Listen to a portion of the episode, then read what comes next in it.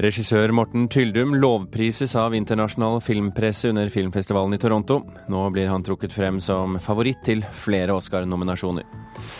Burde regjeringen Nygaardsvold vært stilt for riksrett? Spørsmålet reises i ny bok. Og Nasjonalbiblioteket åpner utstilling om rockepoeten Joakim Nilsen, 14 år etter hans død.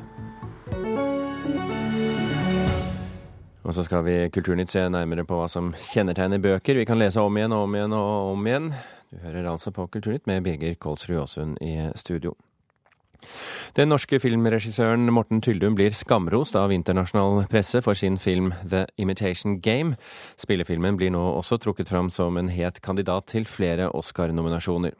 Og under filmfestivalen i Toronto, som pågår nå, merker regissøren tydelig at oppmerksomheten rundt ham er økende antall intervjuer, folk som vil snakke med deg. Eh, det at altså Alle har hørt om filmen. Morten Tyldum er mannen alle vil snakke med under filmfestivalen i Toronto. Han høster lovord fra filmpresse over hele verden for filmen The Imitation Game. What is it that we're really doing? We're going to break an unbreakable Nazi code and win the war. Oh. You know, to pull off this irascible genius routine, one actually has to be a genius. Filmen, som har Benedict Cumberbatch i rolla som kodeknekkeren Alan Turing, blir nå omtalt som kandidat til flere Oscar-nominasjoner. Filmmogulen Harvey Weinstein har sikra seg distribusjonsrettene til filmen, og han jobber nå for å gi filmen en best mulig start på amerikanske kinoer i høst. Det er veldig merkelig. Altså, når man lager filmen, når vi lager den, så er man jo i den lille boblen. og Eh, man håper selvfølgelig at det skal gå bra, og sånn, og så da lansere. Men jeg eh, tror ingen hadde forventet liksom at eh, altså, Jo Harvey kjøpte filmen og har vært veldig støttende for den, så da plutselig tenker vi at OK, det her kan kanskje bli noe. Men det det det har vært overveldende. Kompleks, gjennomført og unik, kaller bransjebladet Variety filmen. Fengslende og djupt tragisk, skriver The Hollywood Reporter til du merker at noe også blir enklere med all merksemda. Det som er stas, er at vi får veldig mye bra prosjekter sendt. Så vi prøver å lese så mye vi kan, bare for å komme over og få oversikt over hva som blir sendt. Så Det er det, er det, det, er det positive, at nå plutselig så, så har man tilgang på uh, store prosjekter og man, det, det, er lettere å få kasta store stjerner til film, filmene sine. og sånn, Så det, det, er det som er positivt. What What, what's going on? The Navy thinks that one of us is a Soviet spy. You've got more secrets than the best of them. What if I don't fancy her in that way? Can't tell anyone else. It's illegal. Førre gangen Tyldum deltok på filmfestivalen i Toronto, bodde han på et lite hotell i ei bakgate sammen med kona Janne. Nå synes han det er stas å ha stiget i gradene. Jeg gikk forbi her, så all pressen og paparazzoen, og så husker jeg Janne sa neste gang, Morten, da, da, er vi der. På Turnplaza. Og det, og det Man skal være forsiktig med hva man, eh, hva man sier, men nå, nå er vi i hvert fall her. Det sa Morten Tyldum, og reporter i denne saken det var Lars Ivar Nordahl. Også Liv Ullmanns eh, Frøken Julie fikk god mottakelse blant publikum etter verdenspremieren på Toronto internasjonal Filmfestival i går kveld. Filmen er basert på August Strindbergs teaterstykke fra 1888, og har Jessica Chastain i hovedrollen som Julie. Og hun eh, innleder et begjærlig maktspill med tjeneren John, spilt av Colin Farrell. Både Ullmann og Chastain var eh, til stede i Toronto ved premieren. Please join me in welcoming the phenomenal director of Miss Julie, Liv Ullmann. Liv Ullmann fikk stående applaus etter gårsdagens verdenspremiere på Frøken Julie i ærverdige Winter Garden Theatre i Toronto. En fullsatt sal fikk oppleve en film med sterke skuespillerprestasjoner fra både Jessica Chastain, Colin Farrell og Samantha Morton. Don't be afraid, Kathleen. I won't run away with your fiance. Frankly speaking, but not wishing to offend, I'm at your service. It's a beautiful film, beautiful directed. It was uh, exhausting yes. to watch it, but it's brilliantly done. The acting was incredible. Uh, probably the best acting we've seen from Jessica and Colin as well. So, yeah, amazing, very powerful. I think after um, seeing the performance, I would just hand Jessica Chastain the Oscar. That's how I feel. Nydelig regi av Liv Ullmann. Utmattende å se, men briljant laga. Fantastiske skuespillere. Og Jessica Chastain fortjener Oscar. Det her var bare noen av publikumsreaksjonene. Chastain var også til stede under premierevisninga i Toronto, og på spørsmål fra NRK sa hun det her om sin regissør. The thing that I love the most about Leave as an actress, as a director, and as a person is that she actually has the greatest sensitivity for, from anyone I've ever met. So she can really read her actors very well. And that to me is the greatest gift when working with a director. Liv har den største følsomheten hos noen jeg har møtt. Hun kan virkelig lese sine skuespillere godt, sa Jessica Chastain. Det gjenstår å se om den gode publikumsmottagelsen i Toronto gjenspeiles når de store avisene og magasinene publiserer sine anmeldelser. Før verdenspremieren innrømmer Liv Ullmann at hun bryr seg mye om kritikkene. Nei, avslappet forhold har jeg jo ikke. For hvis det ikke går bra, så er det ikke så godt for, helt for fremtiden. Og ikke er det noe fint for skuespillerne. Og innerst inne så blir jeg veldig lei meg og skuffet, fordi at eh, jeg føler den er kommet veldig langt på vei til å være det jeg ønsket at min adaption av uh, frøken Gelie skulle være. Jeg er kanskje ikke nervøs, fordi jeg syns de er så fantastiske skuespillerne. Det jeg ønsker, ønsker mer enn noe annet, er at de skal få høre og få lese at eh, de er utrolig bra, og at de har løst sine roller, som er vanskelige roller, på en ny måte, en original måte, og at, eh, at det på en måte kan bli en hovedsak hva gjelder denne filmen og publikummere NRK snakka med, kunne innfri hennes ønske. Um, I thought Liv Ullman did a great job. That the acting was outstanding. All three characters. Yeah, it was great. Men mens eh, publikum i Toronto var begeistret, så skriver bransjebladet Variety i sin kritikk at Ullmanns adopsjon, til tross for sterke skuespillerprestasjoner, eh, ikke fungerer helt som film. Heller ikke Hollywood Reporter er overbevist og skriver at filmen mangler relevans. Frøken Chili har for øvrig norgespremiere førstkommende fredag. Reporter i Toronto var Birger Vestmo.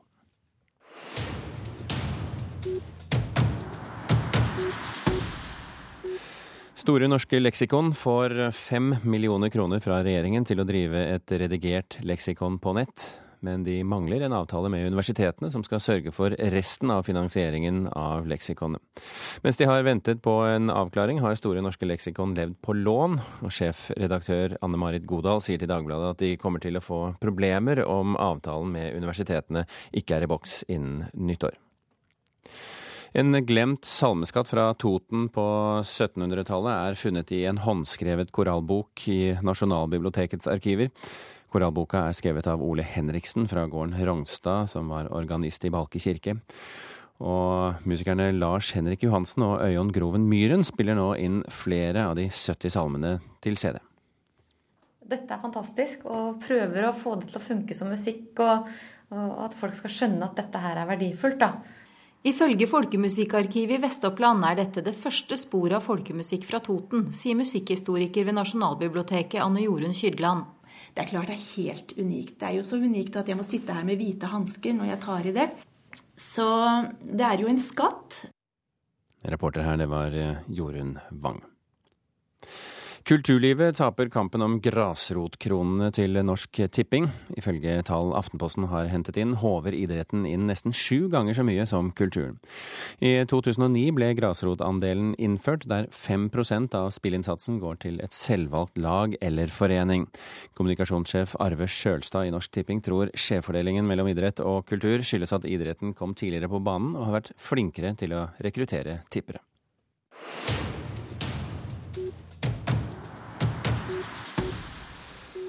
Det er eh, fremdeles viktige huller i norsk historieskriving om den andre verdenskrig. Det hevder forfatter og historiker Åge Sivertsen.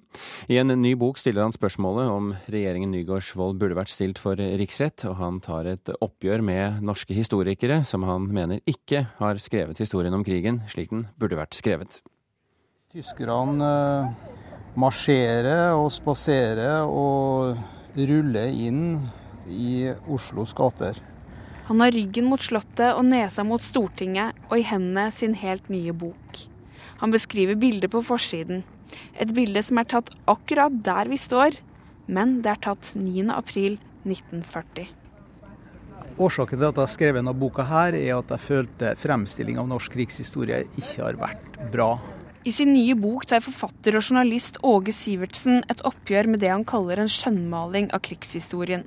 Hvorfor er den gjengse oppfatning at vi blir tatt på senga den 9. april? Hvorfor har man ikke stilt flere spørsmål rundt kongens handlinger, spør han. Professorer, historikere, de har ikke fremstilt krigshistoria slik hun bør fremstilles. Samt at politikere, regjeringa Nygaardsvold, de har unnlatt å komme med innrømmelser i forbindelse med det som skjedde i aprildagene 1940. Han sier at utgangspunktet for boka var å se nærmere på riksretten som uteble.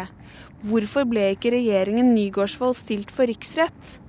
På veien har han kommet over flere faktorer han mener er av betydning, men som ifølge ham selv har fått for liten plass i historiebøkene. Boka heter jo 9.4.1940 'Et historisk bedrag'.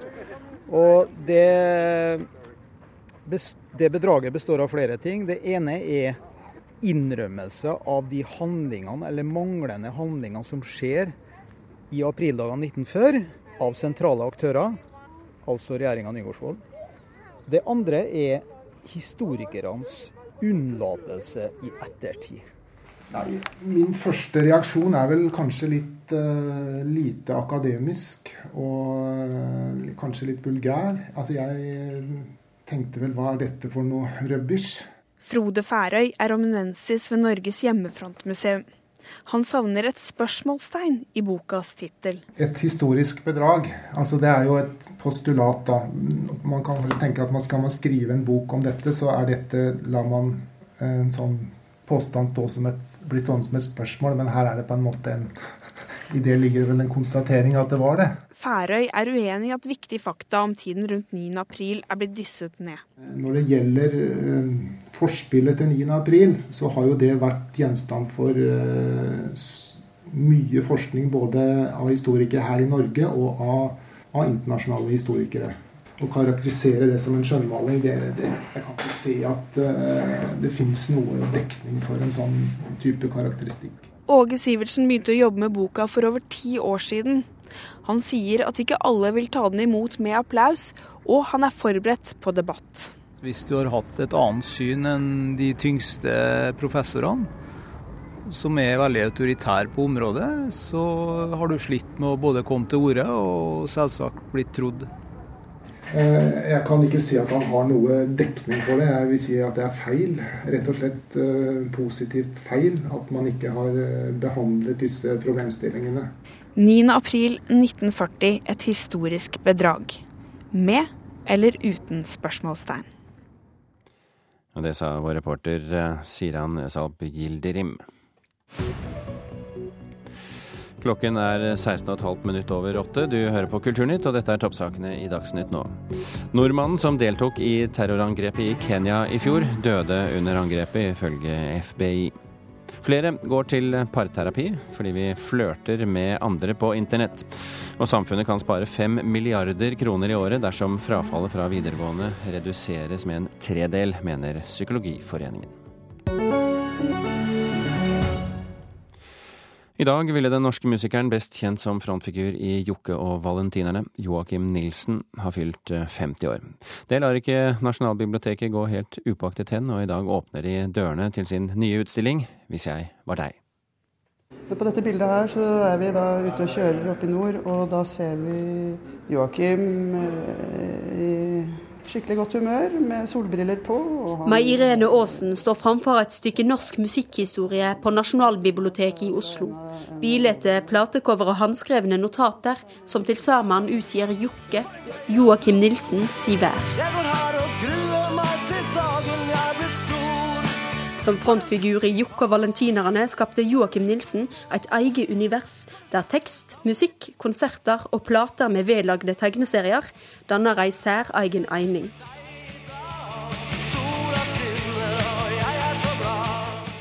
Den norske musikeren gikk bort i oktober 2000, men i dag ville han fylt 50 år.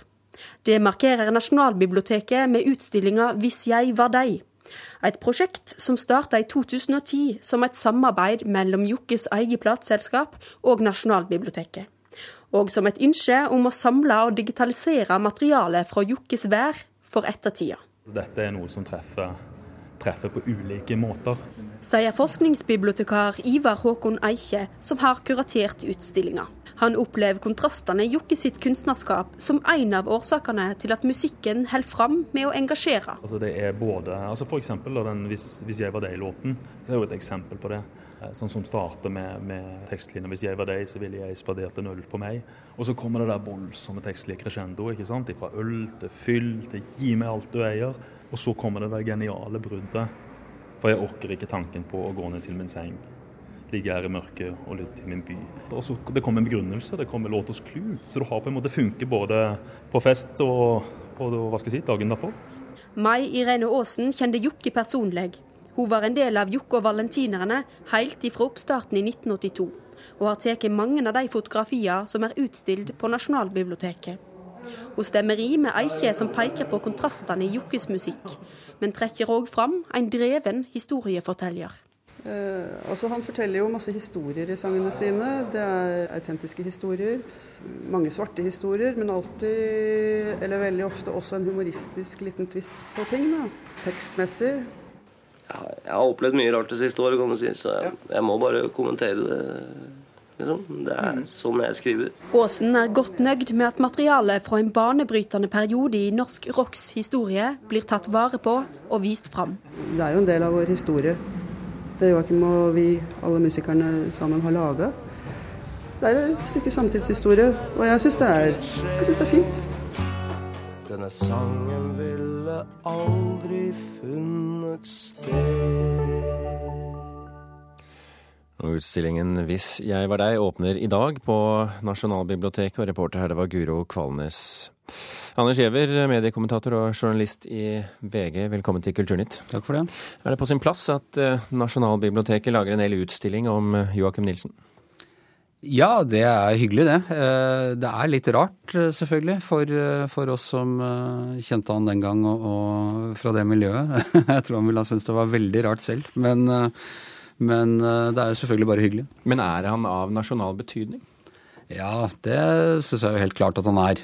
Og, og en representant for en hva skal jeg si, en egen kulturell gren av, av norsk musikkhistorie. Den, den rocken som oppsto på 70-80-tallet, og som da for å si det på nynorsk, when they were bringing it all back home. altså Da rocken ble norsk på ordentlig, fikk et ordentlig norsk uttrykk, så var altså Uh, Joko Valentinerne og Raga Rockers og De Lillos og DumDum Boys, liksom eh, de fire kanskje aller, aller mest sentrale.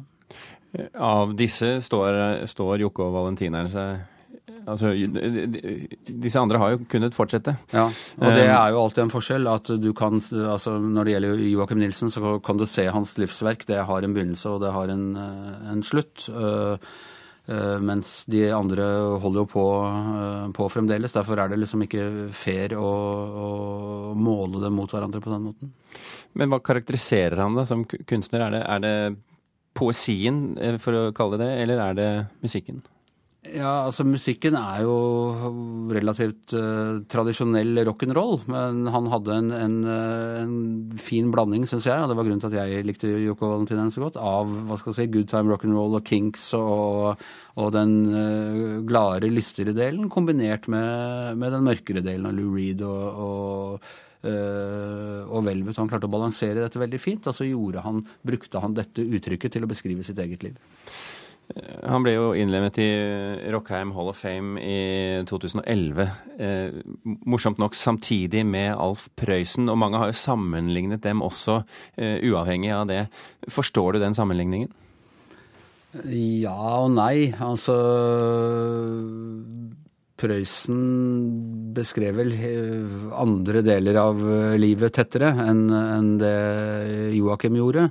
Men du kan si at det var et, eh, et folkelig aspekt ved begge to som, som, lå som et ferniss over et veldig stort alvor. Så, så sånn sett så, så, kan jeg forstå det. Men begge beskrev jo også litt, litt unnskyld uttrykket, lavere delene av samfunnet. Uh, ja, men jeg føler nok at, at Joakim gikk mer direkte og kuttet altså direkte dypt i uh, materien. Mens, uh, mens Prøysen hadde tekster, og han hadde et Når du så det hele samlet, så, så skjønte du at tekstuniverset hans spente over et mye større alvor. Men det, det var jo mye Helene Harefrøken og, og Nøtteliten og, og sånne ting også. Og det var det jo ikke med Det var det ikke hos Joakim. Han eh, fremstår jo på sett og vis som myteomspunnet mens han levde, og har jo vært det også i ettertid. Og du, du kjente ham jo litt eh, fra ungdomstida. Hvor, hvor, stor del av Joakim finnes i den myten? Eh, ja, altså det er jo veldig mye sitt eget liv han, han eh, eh, beskriver, men samtidig så jeg, alltid, jeg hadde alltid problemer med å kalle ham Jokke, f.eks. For eksempel, fordi Jokke ble liksom den der figuren han dytta litt foran seg, og som var litt en Uh, altså Tro det eller ei, Joakim han var veldig utadvendt, veldig smart, kjapp i replikken, sosialt midtpunkt i sitt uh, miljø. Men med en gang han var litt utenfor sitt eget habitat, så var han ganske sjenert. Han hadde store problemer den første tida med å stå på scenen rett og slett, og se folk i øya. Sto mye med ryggen til publikum og, og spilte. Det tror jeg han fortsatte med uh, ganske lenge. Jeg tror at en del av, av drikkinga og sånne ting kom rett og slett av at han trengte en buffer mellom seg og Eh, og omverden. Sånn at det du hører i tekstene, det er noe av Joakim, men det er veldig langt fra, fra hele Joakim. Og han var nok en Jeg oppfattet han alltid som en mye mer eh, positiv og blid og, og, optimistisk fyr mm. uh, enn det denne jokkefiguren kanskje utstråler. Og uansett eh, om man eh, ønsker å bli mer kjent med ham, så blir det både nå altså utstilling på Nasjonalbiblioteket, det blir seminar, det blir til og med jubileumsøl og samleboks. Eh, Anders Giæver fra VG, tusen hjertelig takk for at du kom til Kulturnytt.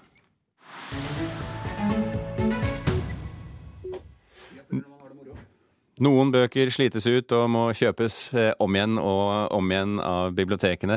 Mange leser gamle bøker på ny fordi de minner oss om hvem vi var da vi leste boka for første gang. Det mener professor i nordisk litteraturvitenskap. På biblioteket Tromsø finnes det mange slitne bøker med fortellinger og eventyr som engasjerer gang på gang. Du ser her her er altså boka lest i filler. Her har vi tatt teip sånn at de ikke skal gå fra hverandre. Det er, det er, rett og slett eh, vi, vi, må kjøpe inn Agatha Christie igjen og igjen. Her er en ny. Det er jo en gammel bok, men vi har kjøpt en ny for at uh, den, den, forrige boka ble rett og slett ødelagt av uh, så mye lesing.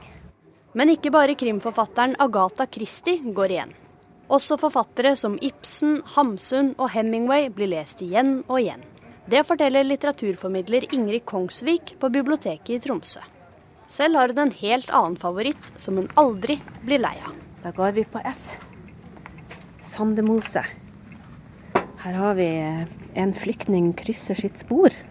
Da de var utenfor huset vårt, slo lynet et skjærende blått lys som drev meg ned på knærne.